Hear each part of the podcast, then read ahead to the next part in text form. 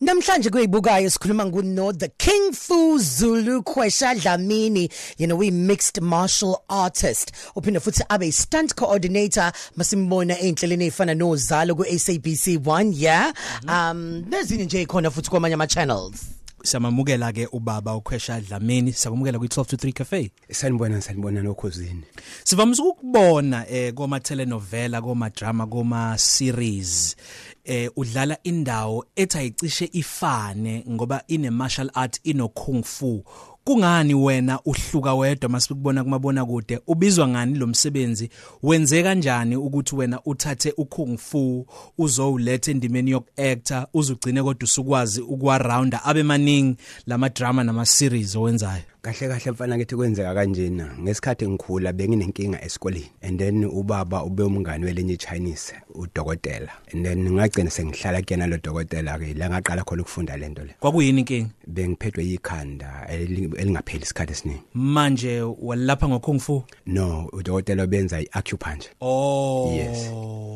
And then kunezinto eziningi njengakwenza i-breathing exercise ukusa umoya endaweni eningi nje. Kukhona engekukholwa ukuthi umoya ungawusa phezulu ekhanda kukhona engekukholwa ukuthi umoya umoya ungawusa engalweni ungawusa noma ikuphi la ufuna ukusa khona. Imake okusho ukuthi lokhu kungaphezulu kokuba nje umdlalo kuphinde futhi kube indlela yokulapheka? Eh mina ngaze ngijime kung fu as umdlalo. Ngiyabona. Ngayijime kung fu as a way of life. Well mhlawumbe mina onephutha ngoba ngaze ngujim ngawugcina nje eprimary singakafaka ekhanda izinto zo philosophy bakhona kodwa ukusinikeza uyini vele? Kwesinye isikhathi khona kung fu engaba isport kodwa kumina angikaze ngibe sedojo noma esikoleni sekung fu njengabantu abaningi abenza sport mina ngikhule ngihlala nodokotela nendodakazi yakhe nomfana wakhe. Usho ukuthi besijima as a family but singagxilile kwisport sigxile kwi way of life ukuthi ungakwazi kanjani ukuziphilisa ngayo not ukuziphilisa ngokomzimba nanokuthi nje mangabe usukhulile ungakwazi kanjani ukuthi uyishintshe lento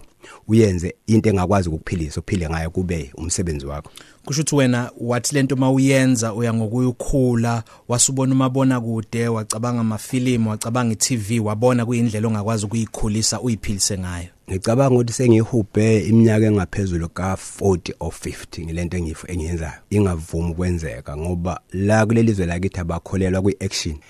Even namanje into engisayenzile seyincane kakhulu kunento engiyenzayo. Kufanele ukuthi angenzi lutho. Until ngize ngithola ichance la ngizoyikhipha khona ngempela ibonakala ukuthi yini. Because ngike ngathi mangise China ngathola ithuba lokuhlala eHuenja la ngibone khona ukuthi kwenziwa kanjani mase kwenziwa ngempela ifilimu Usungikhumbuza ke manje u- s- sengifikele abantu abafana no Bruce Lee, eh Jackie Chan, abanye baba Steven Seagal, Chuck Norris, abayithathile lento esibabone iminyaka eminingi beyenza bephumelela ngayo. Bethi nge- noma bengena kuma film uthola ukuthi i- ifilimu icomedy kodwa futhi kuzoba nokuthi kube uaction, kube no kung fu khona la. Ukhuluma indaba yokuthi eningizimu Afrika bakholelwa kuaction. Akungena usabalale bese usiqhathanisela ukuthi bawine kanjani labade ngiqeda ukubasebenzisa njengezibonelo ukuthi bona bagcine seba ama brand aziwa kanjalo. ake sithi njena abantu abaningi mabekhuluma ngekung fu mabekhuluma ngama-china bazotshela ukuthi 20 years ago you kill my father. Abaze bengahlala bebheka isitori ukuthi sikhuluma ngani ngempela. Bavele nje bethathe kalula. And then uma ungase ubheke i-america ukuthi phambili kangakanani ngamafilimu ubheke i-china ukuthi amafilimu akhona akude kangakanani. Hlehluze la ekhaya. Why kufanele ukuthi ngiyegoli mina? Why ingane zakithi fanele ziyegoli? Kodwa la sithiwa sinesifundazwe sirish yeah yeah. So lokho kusangixaka namanje ukuthi ku- yini indaba? Kunendawo kahulumeni efanele zesinikeze imali ezingeke zikunikeze imali until uzoze uhambe egoli. Njengoba ngifike egoli nje ngithola ukuthi sengifunwa amalokhuzana ama production amaningi because abona into angakaze ayibone yabo. yes yeah um usakhuluma ngendaba ukuthi u- ama production amaningi eh nokuthi abone into engakazi kuyayibona nami ngeke ngawubona umsebenzi wakho. Khona umfana wamshaya kabi kabi kabi lapha ehostel wamshanga ngakagcuseka ngaphakathi. Ibhamba bona. so um khona esethini ke uh, kuthatha isikhathi siganganani ukuthi uzumfundise lo munye umuntu ukuthi kumele enze kanje ngoba wena phela kakhulukazi mabelwa wena bakhombisa ukuthi ilwa kanje wenze kanje and uh, nendlela zokulimala ukuthi umuntu ahleze eqikelele ngaso sonke isikhathi. Yabona ke kuyinkinga kakhulu ama actor amaningi engiwashiya egoli afuna ukuthi ngivule iclass lo le, martial art manje because anenkinga ukuthi ungathola ukuthi ake ngithi lapha empini abantu babe ngaphezulu ka 400 makuthiwa bangi laba abantu beze kumina and then bathi uma besithuze nokwami bevele bebhekile bayasaba ukuza and then noma ngimthinta nje and then uthi uzokhala ukuthi kubhlungu Umthinta nje? akazange nje eze ejime ake ngilinganise ngawo uma ukuthi wena akakaze uyenza iboxing wena qobo lakho ke manje Yebo. awukwazi ukulwa ngenduku Yebo. awuyazi ikarate and then uyi-actor sekufanele ulwe manje phambi kwekhamera yini ozoyilwa ngoba uyesaba wena manje ukuthi Ukulwa. uyesaba ukuwa futhi uyabona ake sizame silwe manje ngibona ukuthi ngi- ngi- ngi- ngingakwenza njani? Hayi. nakho ngiya- ngiyakuhlasela Eh, cha acishe i-microphone ukhona ngizokuhlaba kahle uzobona. Ngiyakubonga ke mgo usufuna sibize ambulance khona la kusasetshenzwe hayibo kodwa okubalekile futhi eminyakeni eminingi ngisahamba amasinema thina abantu nje abamnyama siyakholelwa kwi-action kakhulukazi. Ibithi ifilimu makuyadlala yaphela kungaliwanga abantu bethu bafuna imali yabo.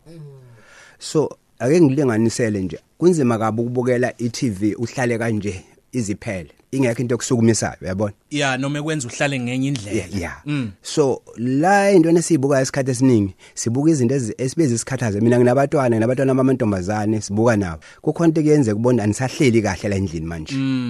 Uyabona? Eh mawungase ubuye uhlehlele angi- angincomi yona iChina ke kodwa phela ke ngoba abantu bakithi basuke beye kuleli side engelona elihle. Yebo.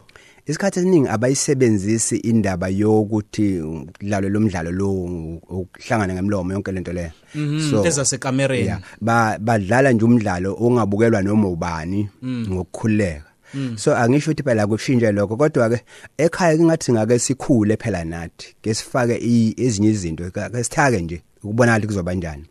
Ake ngithi kuno kuzo- kuzoba khona ifilimu esizoyenza kuthiwa mute girl nomthunzi lona wenze i eyilokhuzana i-hostel. Cishe lapho uzobona into engakazi uyibone engajwayelekile ukuthi ngizobe ngenza i-real ngikhipha into ekhona ngempela ukuthi nansi into efuna ukuthi yenzeke. Asikhulume ngokuthi ukwaze kanjani ukuthi uzugcine ube nalobu budlelwane bokuthi ama production abone wena njengomuntu ozoqhamuka nalesi sithako esibaleke kangaka. Nakho nje usukade ukhuluma ngokuthi uyalingisa impela ungawina ngisho indondo kodwa makumele ungene ekutheni ilwa uzoba nenkinga. Ukwaze kanjani njeng- njengoba manje usudlala kuma production kokunye futhi ube ngemuva? Njengani konje? Njenge start coordinator. Stand coordinator. Ufinyelele kanjani lelo zinga? Eh ngokubona ukuthi mangikhuluma lento ayizwakali ngicine seng sengisebenza nga- ngiyathunga impahla. Ngathunga ngabeka imali ngasebenza ngabeka imali ngajimisa ngabeka imali. Ngagcina ngiyothenga eyami emshini. Ngathatha abafane eng- engijima nabo namntazana engisebenza engijima nabo futhi. Sase senza eyethu film yokuqala i5 element. Iyona evula abaningi amehlo. Kwathi kwesibili ngenza i-buddhist way ngiqala kuyishutha la ngahamba ngoyishutha eChina ngabe ngazoyiqedela la. And then ku- la kuqale khona kubona likhona into enjena ngaqala ukuthi ngithola ama calls ukuthi awuze ngala sizosebenza. Bathini manje linjani isasasa nempilo ishintshile futhi kangconywana ngendlela ngendlela ophila ngayo ngenxa ngenxa yale demand mangicabanga? Hey mfana hayi ishintsha impela nje ayikancane futhi ishintsha impela nje futhi iya ngokushintsha. Ngiye ngithi kwesinye isikhathi ke angazi noma niyakholwa ni mina ngikholwa kodwa. Ngiye ngithi uma kufika uNkulunkulu ethi yena manje sokuyi igame lakhe. Lokuthi ekudonse. Awusavimbeka ngoba sekufike yena. Mm. Be- be- bengisafuna ukusho ukuthi eh, impela i- i- isikhathi sakho masekuyi game lakho masekuyi isikhathi sakho ayikho into ongayenza ngamini ngoba u- ukhulume ngendaba ukuthi uhambile waya ko China njalo njalo. Wafika wabona leyo experience ofika wayibona lapho sokuyimanje kuyisikhathi sakho sokuthi kumele uzoyikhombisa bani thina khona ngala. So um yini futhi enye ufuna ukuyibona noma singa- singathi yini futhi enye singayilindela kuwena kuwona kulomkhakha lo? Hayi ngani yakithi kuningi ke akukhona okunye kungikhathaza kakhulu ke nje. Ngikhathaza njengokuthi kuthiwa eh, abantu besifazane bayabulawa namantombazane ayadlwengulwa kanjalo kanjalo. And then kuthathwa izinqwembe kukhulunywe lokho. And then angazi ukuthi kuyalwa bani ngempela kodwa mina ke angisho ukuthi kurong angazi kuyalwa bani. And then umdlwengulwa ke nomshawa ke usizakala kanjani lapho? Yipi action eyenziwayo ukuthi kunikezwe lo into angazisiza ngayo. Not ukuthi ebesiqhwaga kodwa ukuthi ekwazi ukuthi esurprise i-attacker ekwazi ukubaleka endaweni esafety. Ngibona kungenzeki lokho into engiyibonayo ukuthi kuyakhulunywa kuphela. Ikukhona into engiyiqalile no director lo we hostel ukuthi sisize laba abantu besimame ukuthi ake ngithi nje mawuzoshaya umuntu nisendlini nobabili usuke usubona kahle ukuthi la uzongishaya. Kodwa mawungazi lutho lutho lutho lutho vele uzokushaya nje uyakumukela lokho. Kodwa makukhona into yaziyo uzokwazi ukuthi nola ngizokwenza ukuthi nokuthi ngiphumile ngiyebani okunye futhi akithi uphethe ifoni and then uyafona. Kube khona nje umuntu ombonayo ukuthi akanamandla phela lo. Bese kutshela ukuthi uthi mawuqede ifoni ukufona unikeza ifoni. Awazi ukuthi ngempela futhi usuyamnikeza nangubhudi lo kuqhamuka abafana abawu2 abaphethe noma imbesenyana ngisasho lembese bevele befuna ifoni ngokuthi akazi lutho nhlobo nje. Fanele banikezele ifoni ke le. So i- impilo eyakho nami yami kodwa kufanele ukuthi wena zikhuthaze ukuthi yazi something ama tricks 2 3 4 tholakala kuphi baba ngicabanga ukuthi baningi abazohlabeka umxhwele bafuna ukuthi mhlambe kube khona kungenzeka ngokohlangothi lokulingisa noma mhlambe ngokohlangothi nje lokuthi ahlonyiswe njengoba siqeda ukukhuluma ukuthi phela kwazi na ukuyivikela Eh mawuthi ngitholakala kuphi angazi nomusho kwami la ngijimisa khona Ey'nkundleni zokuxhumana. Ey'nkundleni zokuxhumana. Eh, eh, lapha ku Facebook kuthiwa ngukhwesha Dlamini. Ku- kuphela nje kuhamba kanjalo. Eh kubifoni yami ifoni ithi 0834268715 uyi-stunt coordinator wenza i-martial arts uyalingisa. Kuningi lokakwenzayo usebenze nama-production kweyibukwayo namhlanje. Besixoxa nobaba ukhwesha dlamini. Siyabonga kakhulu baba. Kubonga mina kakhulu khosini ngiyabonga kakhulu. Positive Cafe. Ilunch yakho ayifani neyizolo.